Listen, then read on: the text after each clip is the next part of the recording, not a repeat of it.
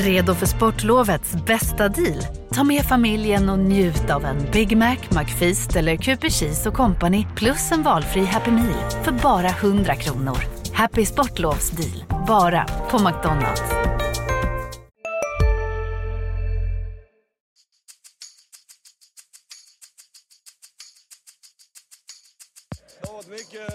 Mycket, mycket snack om det här inhoppet. Det är svårt att förbereda sig. Va? Så att, eh, det är mycket känslor som väller över. När jag kommer hem ska vi fixa allt det där.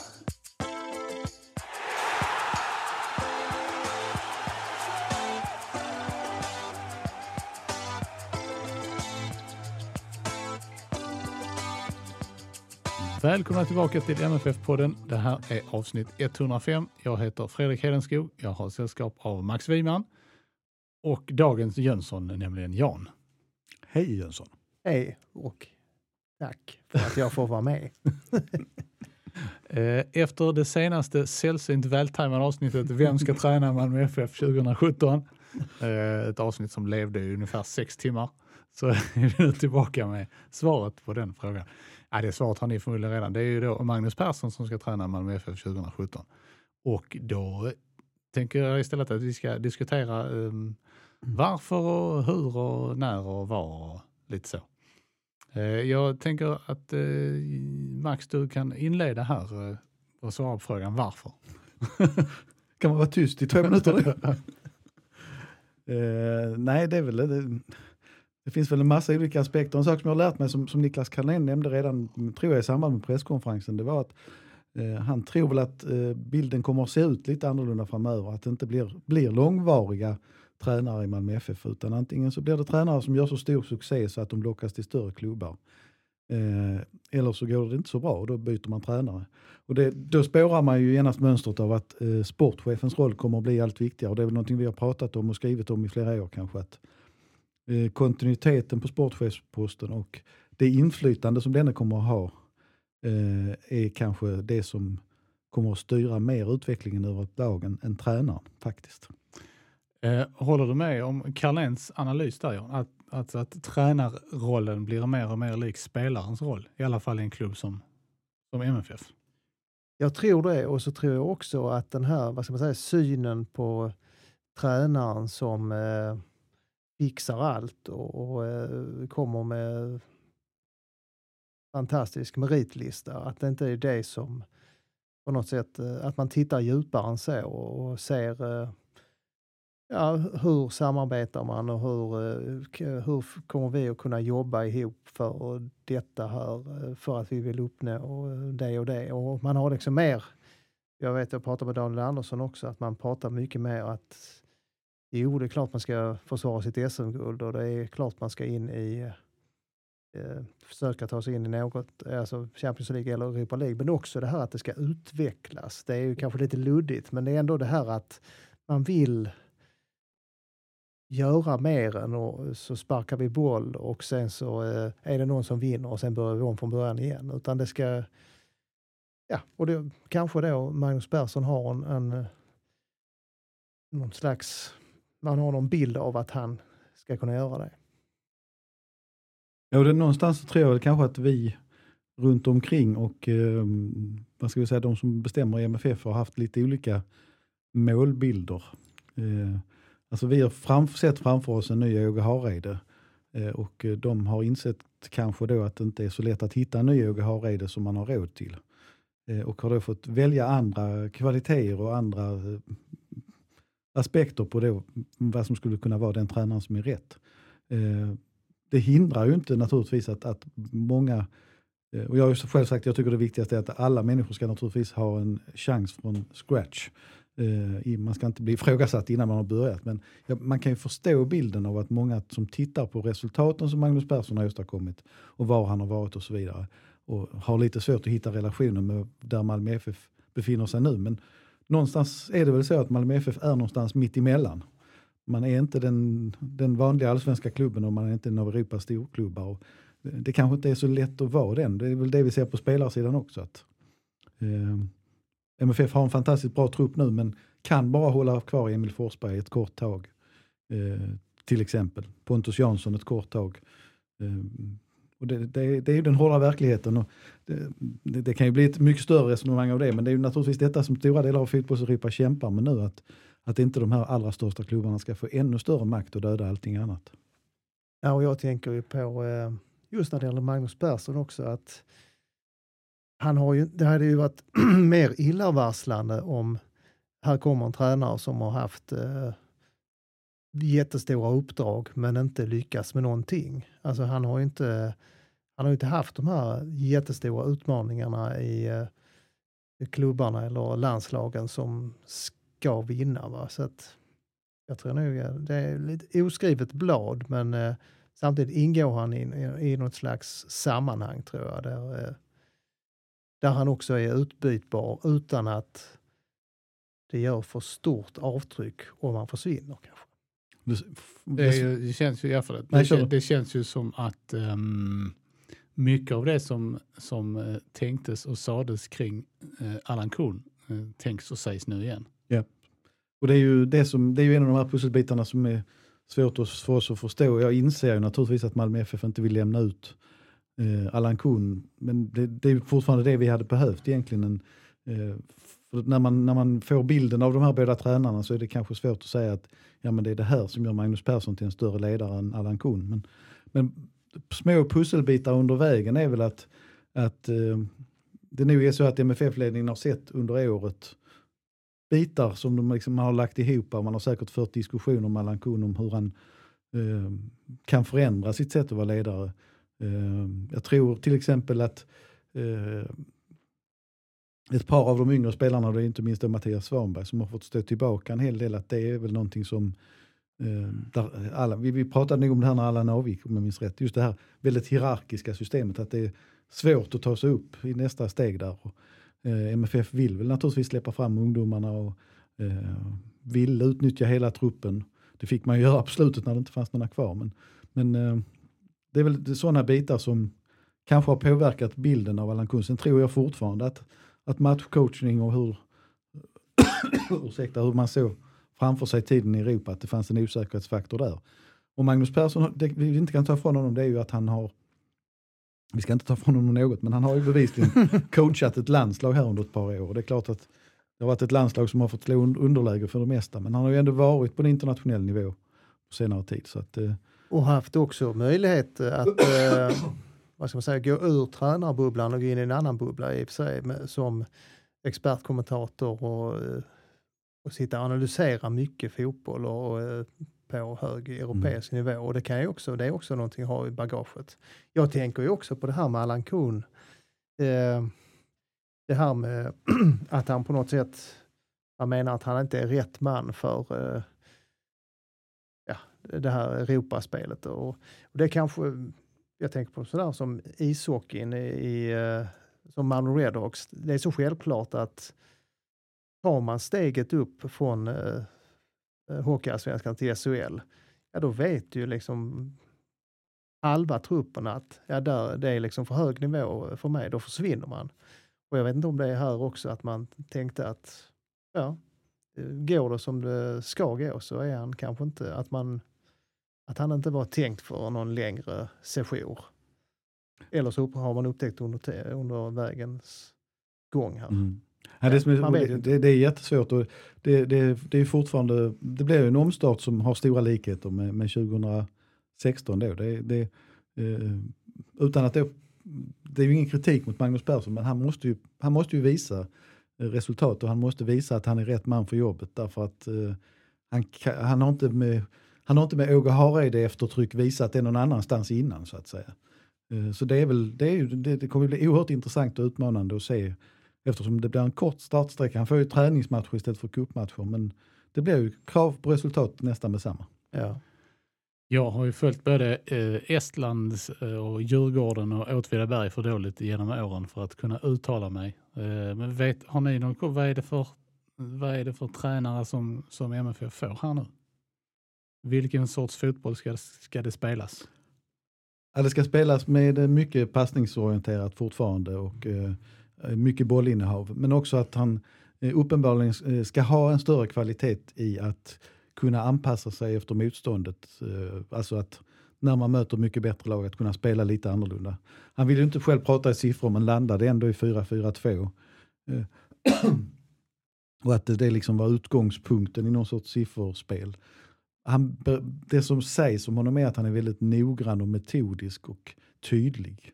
Och det kan ju också vara lite, eh, lite motsatsförhållanden kanske, eh, det är fel uttryck kanske, men mot Allan Kund. Där jag tror att en del tyckte man sig se en otydlighet och även om han själv pratade om, om kontinuitet och konsekvens och allt vad det var. Men, men, men eh, eh, det kan vara så att, att han är en tydligare ledare på det sättet. Eh, men som sagt, eh, väldigt behaglig person att prata med, absolut. Men som sagt, vi, vi, vi, vi har ju inte några, så många resultat att titta på. Vi gör ju gärna det.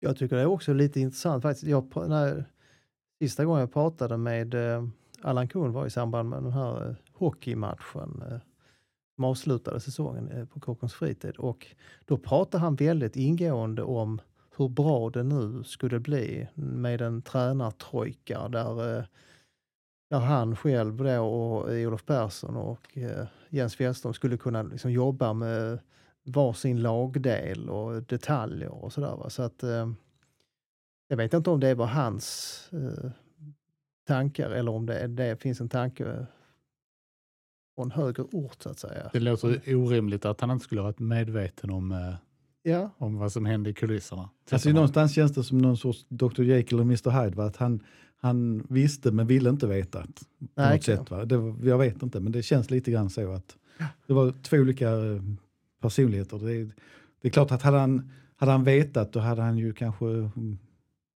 undvikit att uttala sig helt och hållet. Nej, men han hade nog sina aningar eftersom han poängterar väldigt mycket om, eh, tror jag, eh, hur nöjd han var med Nej, men det var jag- jag- jag upplevde- Ja. upplevde ju mycket det här att han sökte bekräftelse. Det pratade vi om sist här Ja. eh, under hela hösten egentligen. Eh, Så att, eh, sen tror jag att eh, reaktionerna i Danmark och inte minst kanske från Allan själv eh, kan bli rätt så häftiga när, när det blev valet Magnus Persson. För han är ju känd i Danmark och de har ju till och med jobbat tillsammans där. Och det, är väl, det är väl lätt för, för dem, inte minst i Danmark, då, att se det som att vad är det, alltså ännu mer än vad vi frågar, vad är det som gör Magnus Persson som en bättre tränare än, än Allan Kuhn? Sen tror jag att, att Allan har ett ganska gott utgångsläge hemma i Danmark. För jag tror att det är bra att komma hem med ett, dansk, äh, med ett svenskt mästerskap till, till ligan där. Och att, eh, det ska bli intressant att se vad han får för typ av jobb. Ja, Det är inte så många andra danskar som har lyckats med den Nej, det är inte. bedriften. Kan man säga. Och jag vet. Sönderjyskes tränare är ju på väg till Hammarby sägs. Och det spekuleras ju Allans namn redan där. Så att det, Ja, och så kan de ju tycka att eh, svenska idioter som inte Mm. inser. Så att det är klart att han är jättebra och honom ska vi ha.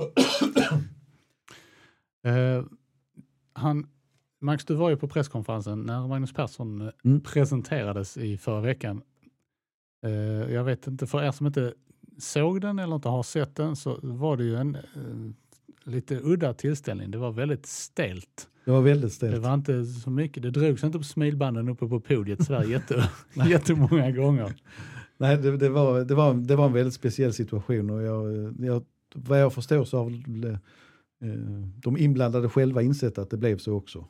Eh, på något sätt att eh, förmodligen lite grann ett spänt förhållande till hur de skulle bemötas kan jag tänka mig. Och Att, att de nog såg ett gäng som var rätt så eh, kritiska nere på golvet så att säga. Eller, alltså det fanns många frågetecken. Så de hamnade nog i en lite defensiv ställning direkt på något sätt. Eh, eh, Men då var, då var det ju bra att han eh, släppte den här Malmö-kopplingen.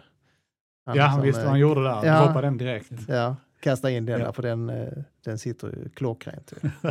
Alla vill gå i Magnus Perssons fotspår. Liksom. Ja, Det kommer gå bussturer. Nej, men Här det, det, han det, det, det, man ska inte förringa det för det var, Ja. det var smart och det finns ju en tydlig kärlekskoppling till Skåne. Att, jag har ju läst på hans Twitter och han har beskrivit Skåne flera gånger. Alltså tillbaka under de senaste åren också. Jaha, jag tror det var nu. Nej, inte nu. De senaste veckan. Nej, utan det är faktiskt Twitter från i fjol. Ja, okej. Men, eh, Han visste redan det. eh, nej, men han, han, han känner nog en, en, en, en bra känsla för Skåne, så är det säkert. Men Ja. eh, jag tror att han också känner av eh, trycket runt omkring och tvivlen. Ja. Eftersom det ropades på stora namn och så vidare. Och, Ja, så det var ju väldigt, eh, vi, vi hade ju eh, liveflöde igång på Sydsvenskan innan presskonferensen och det kommenterades på, på massor av andra ställen också såklart. Och det var ju rätt så tydligt att, eh, för Magnus Persson var ju det namnet som hade nämnts så det var ju inte, det var ju inte klang och jubel eh, över det, över det namnet.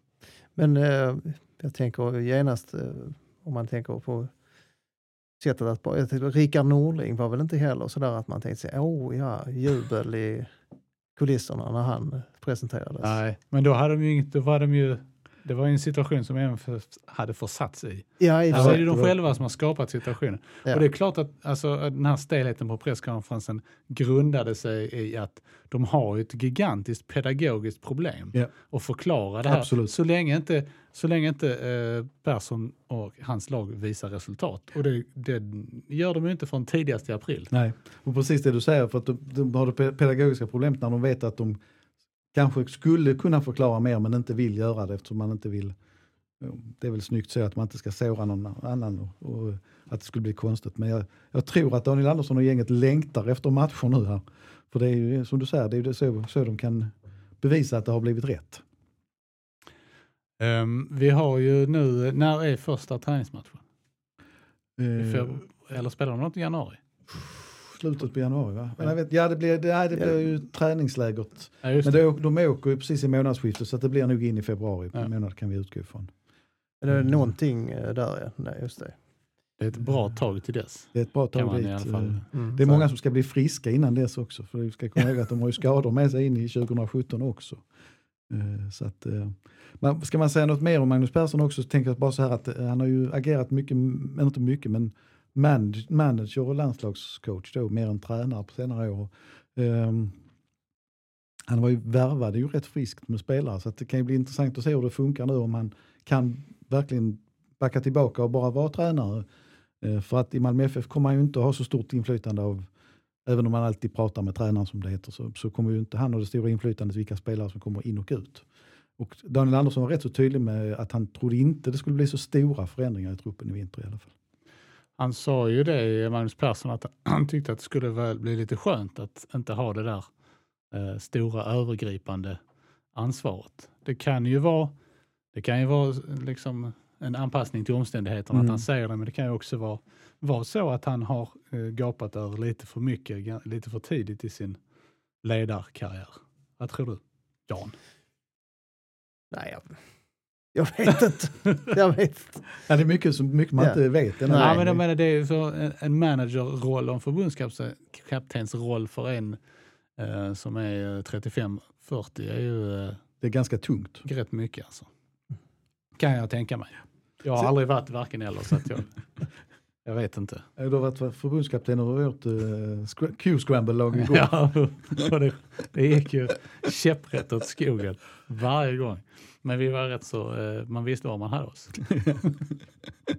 Men ska man lyfta någonting som då är, eh, vi, har, vi har lyft våra tvivel, men någonting som är väldigt positivt denna gången är ju naturligtvis att, att eh, man blev klar snabbt med tränarlösningen. Och att Magnus Persson börjar redan nu den 1 december. För man ska komma ihåg att Rickard Norling kom alltså in mitt i en säsong. Mm. Åge Hareide presenterades i början på januari om jag minns rätt. Och Allan Kuhn något liknande. De har ju liksom inte, han kommer ju vara med i planeringen på ett helt annat sätt in i säsong. Ja, det verkar Mm. väldigt, eh, på så sätt väldigt genomtänkt. Så att säga. Och sen, som sagt är det bara resultaten som, Mm. som visar om det var rätt tänkt. Och förmodligen att, att han blev anställd så snabbt, det var ju säkert också ett medvetet grej att man kände att, att man skulle bli färdig snabbt med det här. Mm. Ja, det, är som, det är som du säger Max, man får ju ge honom eh, benefit of the doubt innan man... Alltså, tittar man tillbaka, som sagt vi hade Kuhn här innan, eh, um, Hareide innan dess. Och Hareide visste man inte heller riktigt vad man Nej. hade när han kom hit. Det var många Han var som, pensionär. ja, det var många som Mm. tyckte att varför tar man hit en pensionär som... Det man kan säga är att Åge gjorde ju ett väldigt starkt intryck från dag ett, det vill säga första presskonferensen. Första mötet med oss så, så, så var det en väldig aura runt honom och det är ju svårt att matcha den för någon. Eh, och där, den kostymen är ju inte Magnus Persson nära, det, det, det, det är bara att konstatera. Men vilken tränare hade det blivit eh, ett unisont eh, jubel över om, vem, hade, vem är det som hade liksom så, ja alla var... Finns det något unisont jubel i Malmö? Jag är tveksam. Nej, alltså det Nej, är men det det. är väldigt svårt att hitta alltså, en, en, rimlig, en rimlig lösning. Ja, Nej, vi, vi har pratat om det och det är, svårt, det är svårt att ens hitta bra namn så att säga. För att ja. tittar man på svenska tränare så är det inte någon som sådär superrosat marknaden. Jag tror att Hasse Backe hade varit ett namn som många hade fastnat för. Nu har jag förstått att eh, den, den fotbollen han presenterar, pres, representerar kanske inte MFF riktigt vill ha till sig. Eh, läget är, blir ju så konstigt så att Lasse Lagerbäcks namn hade nog faktiskt eh, fångats eh, med glädje på väldigt många håll. ja. Men när, om ni rannsakar er själva och tittar bakåt, vilket var det senaste tränarnamnet i MFF som ni kände liksom när det, när det kom att det här, var, det här är klockrent? Eh, nej, jag säger nog Tom Prahl. Ja, jag, landar, jag landar där också. Ja. Jo, det var väl på något sätt att eh, nu, ja precis, eh, det, dit skulle han någon Ja, gång. Någon gång så skulle han ta det jobbet. Och därför fick han ju också, eh, det fanns ett, eh, ändå kändes som att det fanns ett tålamod när de Vi är specialister på det vi gör, precis som du. Därför försäkrar vi på Swedea bara småföretag, som ditt. För oss är små företag alltid större än stora och vår företagsförsäkring anpassar sig helt efter firmans förutsättningar. Gå in på swedea.se företag och jämför själv. Hej, Synoptik här. Hos oss får du hjälp med att ta hand om din ögonhälsa. Med vår synundersökning kan vi upptäcka både synförändringar och tecken på vanliga ögonsjukdomar. Boka tid på synoptik.se. ändå missade väl två gånger innan de vann. Men sen så fanns inte tålamodet där på slutet när han, när han vann och fick ett nådeår på något sätt. Nej, det är Det sant. blev ett, ett annat namn, det poppade upp i mitt huvud men det poppade upp på flera andra håll, apropå nu, just den här tillsättningen. Eh, Det unisona jublet hade nog varit om, om Roy Hodgson hade kommit tillbaka och det kan låta helt galet eh, när man vet vilka pengar han har tjänat i England och han är 69 år gammal.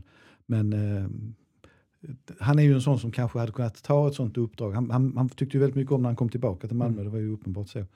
Eh, det är nog, alltså, men då, då pratar vi en annan division. Det är klart att, att Roy Hodgson hade kostat oändligt mycket mer pengar än Magnus Persson, självklart. Kanske en sån Roy och Bob paketlösning. Tillsammans. Nej, men, om, man, men är, om vi pratar fantasier så att säga, så Ja. är det väl där.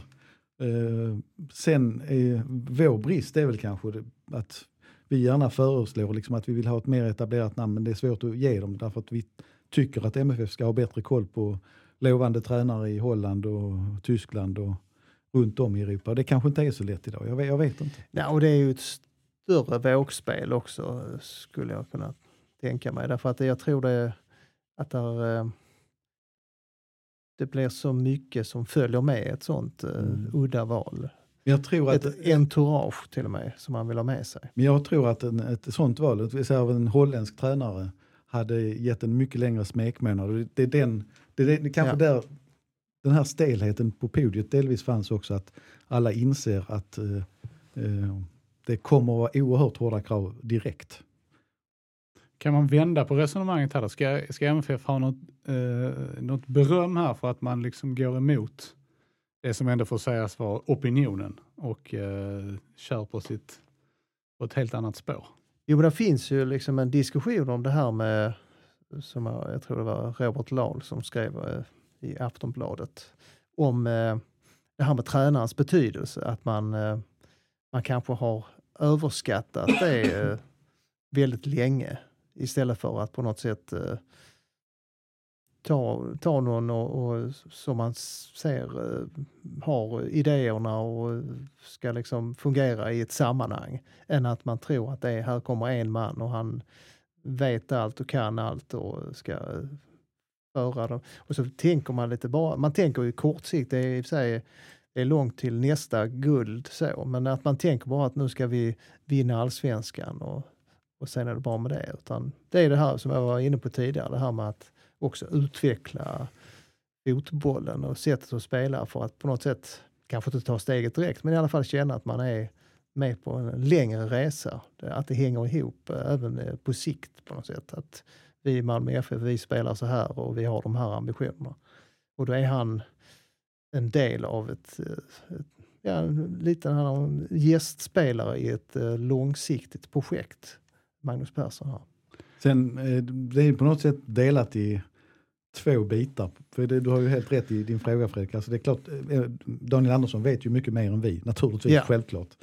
Eh, vi sa väl det även när det gällde Allan Kull, men att han, de har ju, han har ju träffat Magnus Persson, de har suttit ner och resonerat och de har hittat någonting som de verkligen tror på.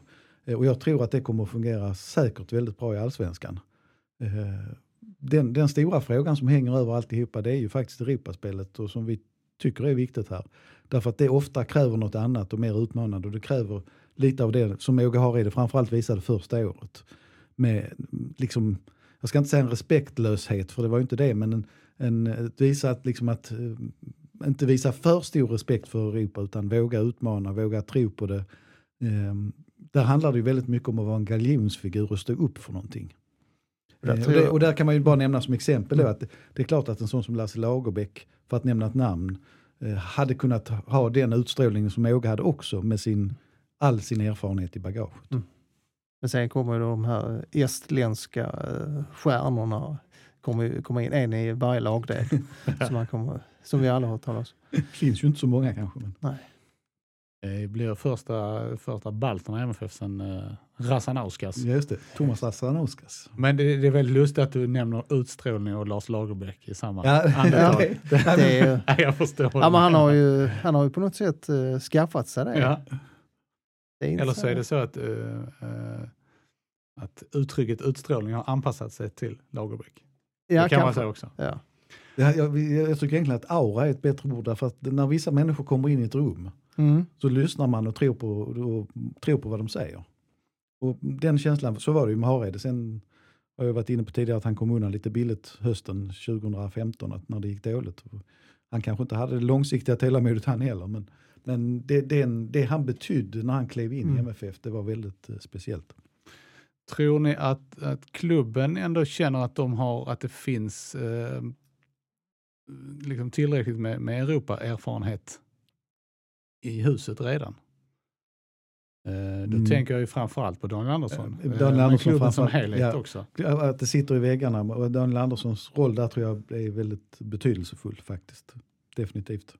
Vad har, tror du att, att eh, Janne, att eh, det faktum att, att de knöt till sig Jens Fjällström under sommaren, att det har, har det spelat in i tränardiskussionen också? Det tror jag, därför att precis eh, just det här att man, har, man bygger en, liksom en, tränartrojka, eller man ska säga, eller om man säger en ledarstab, där naturligtvis Daniel Andersson också ingår, så tror jag absolut att, att Fjällström är också en, en viktig del och de ska väl gå någon slags eh, Ja, det är väl tränarutbildningar nu och sådär. Så att han kommer ju naturligtvis att flytta fram sina positioner och få en eh, tydligare eh, roll.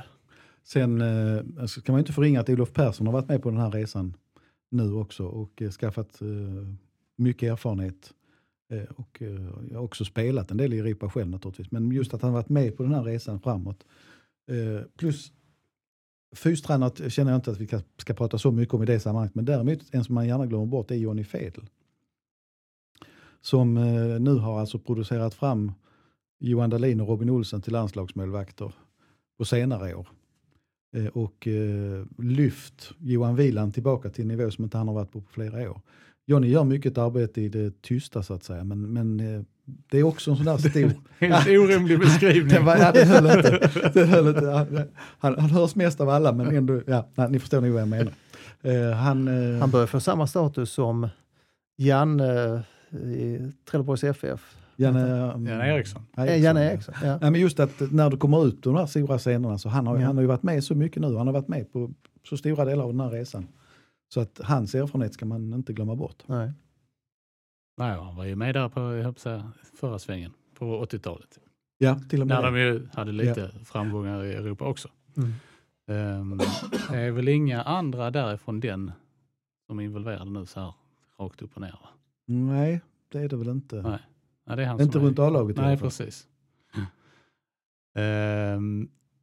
Vi ska säga det också att vi eh, jobbar ju på att få hit Magnus Persson till podden så snart det går. Uh, MFF har ett eh, schema som de som de går efter.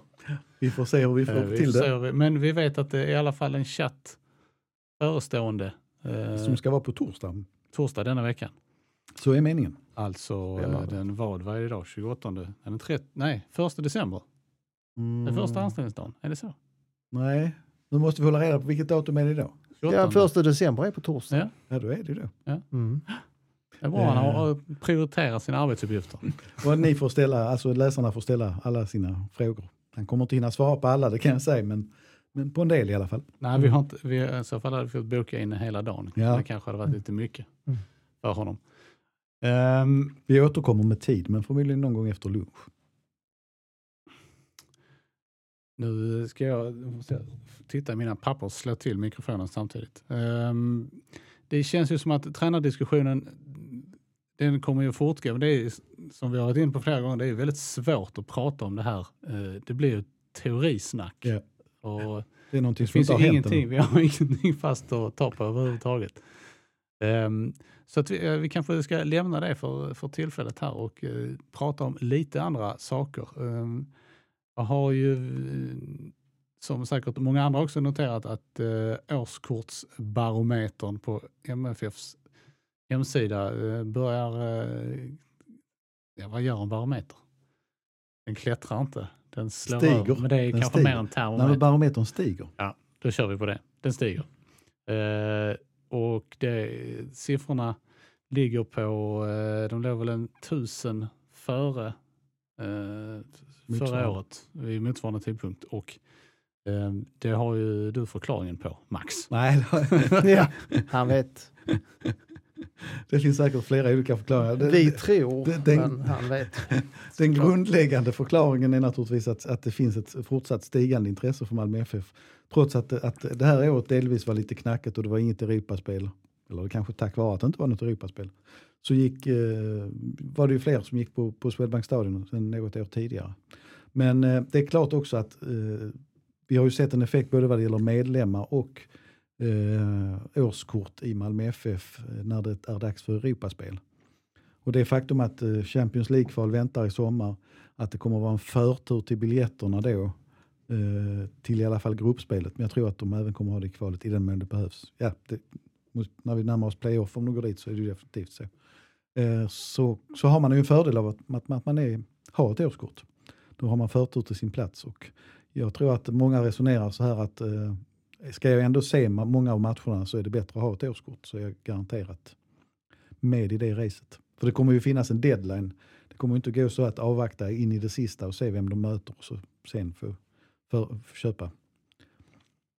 Tror ni Mm. publikt eh, att det faktum att MFF nu är ensamt Skånelag i allsvenskan, påverkar det på något sätt? Om vi, alltså, nu tänker jag inte på derbyna som försvinner utan mer generellt, att de som är mer allmänt fotbollsintresserade. Det var ju inte så förra gången MFF var en- ensamt i allsvenskan, men då var det knappt någon som gick på allsvensk fotboll. Nej. Nej. Danne, du, Danne, Janne, du som har fingrarna i den skånska myllan.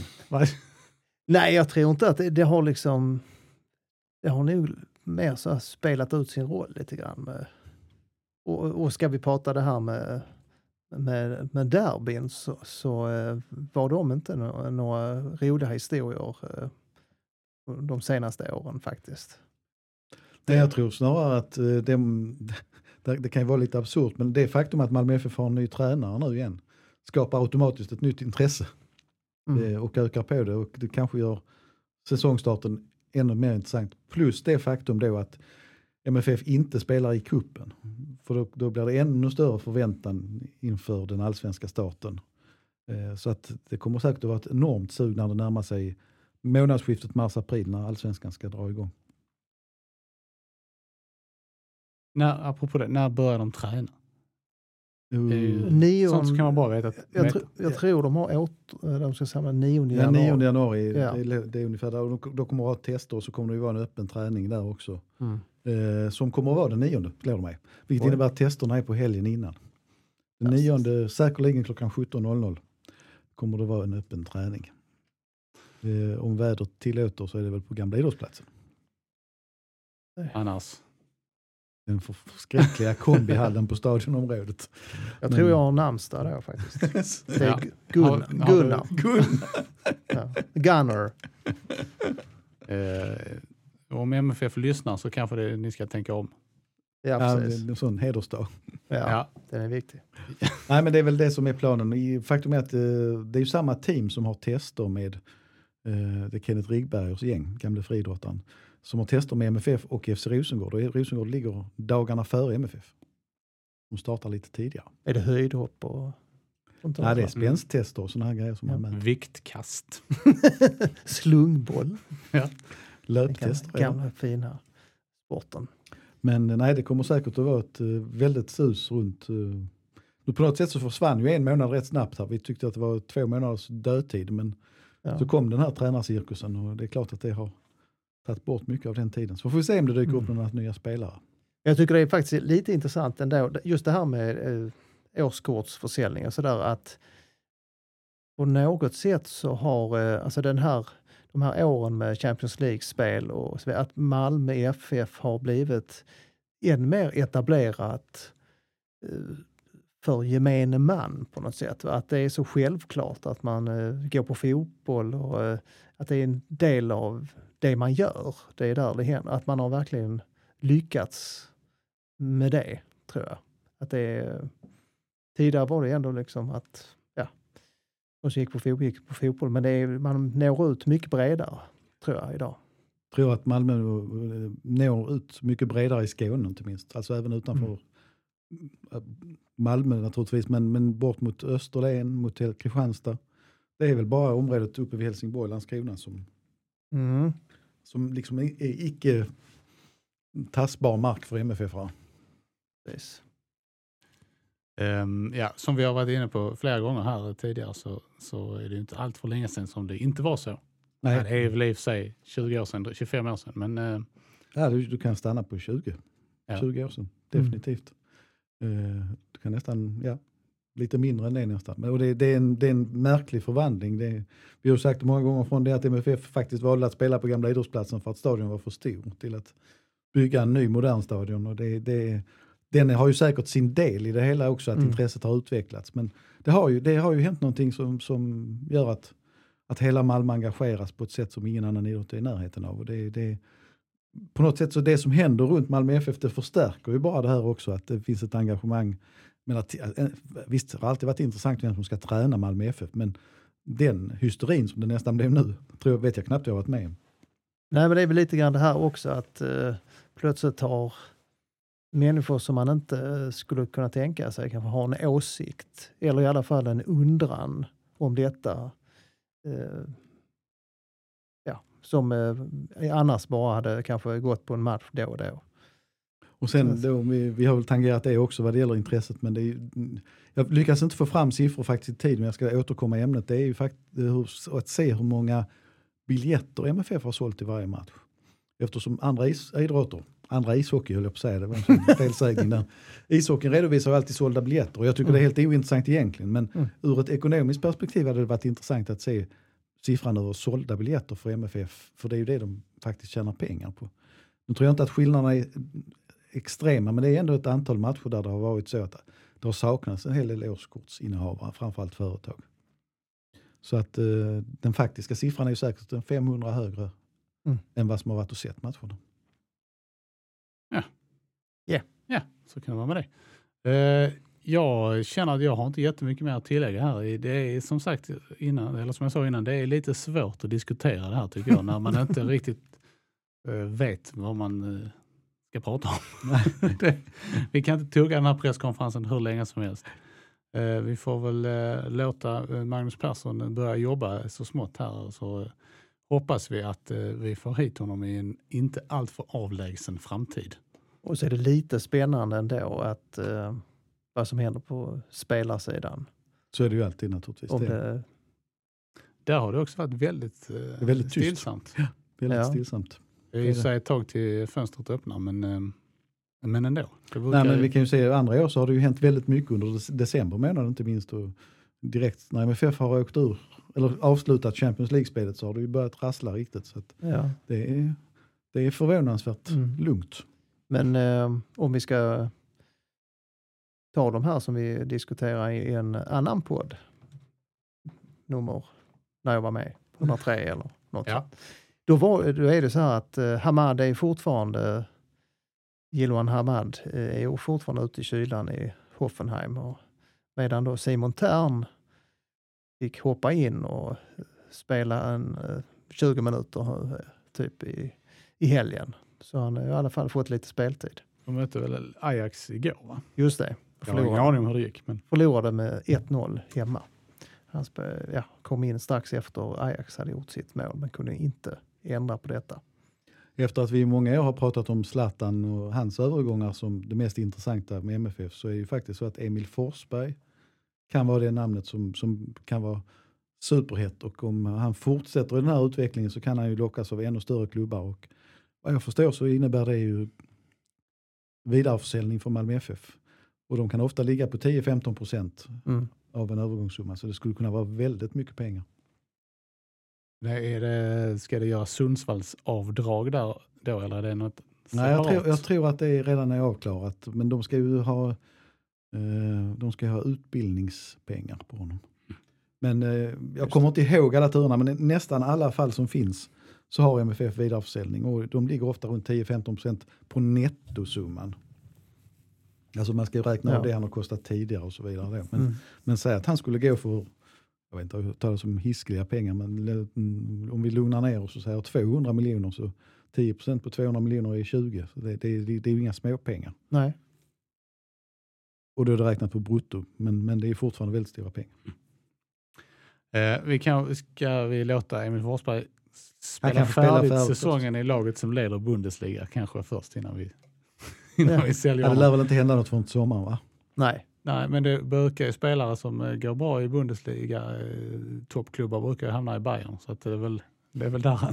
Ja, därför nu ligger de i tvåa. Då Ja. måste de ju plocka honom naturligtvis. Det är den enklaste lösningen. Ja. Eh, Lex Milan, Andreas Andersson. Ja, Honom ska vi ha. Ehm, ska vi hålla där? Ja, jag tycker det. vi gör det. Jag spårar ur här känner jag. Eh, det här har varit det 105 avsnittet av MFF-podden. Jag heter Fredrik Hedenskog, är ett sällskap av Max Wiman och Jan Jönsson och ansvarig utgivare är Pia Renqvist. Tack för oss. Hej hej! Hej hej! Hej.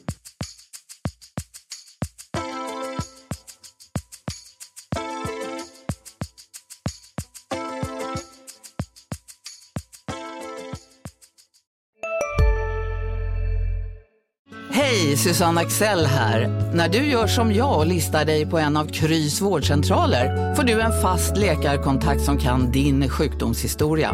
Du får träffa erfarna specialister, tillgång till lättakuten och så kan du chatta med vårdpersonalen. Så gör ditt viktigaste val idag, lista dig hos Kry. En nyhet. Nu kan du teckna livförsäkring hos Trygg-Hansa. Den ger dina nära ersättning som kan användas på det sätt som hjälper bäst.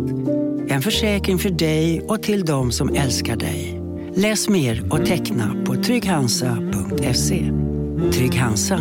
Trygghet för livet.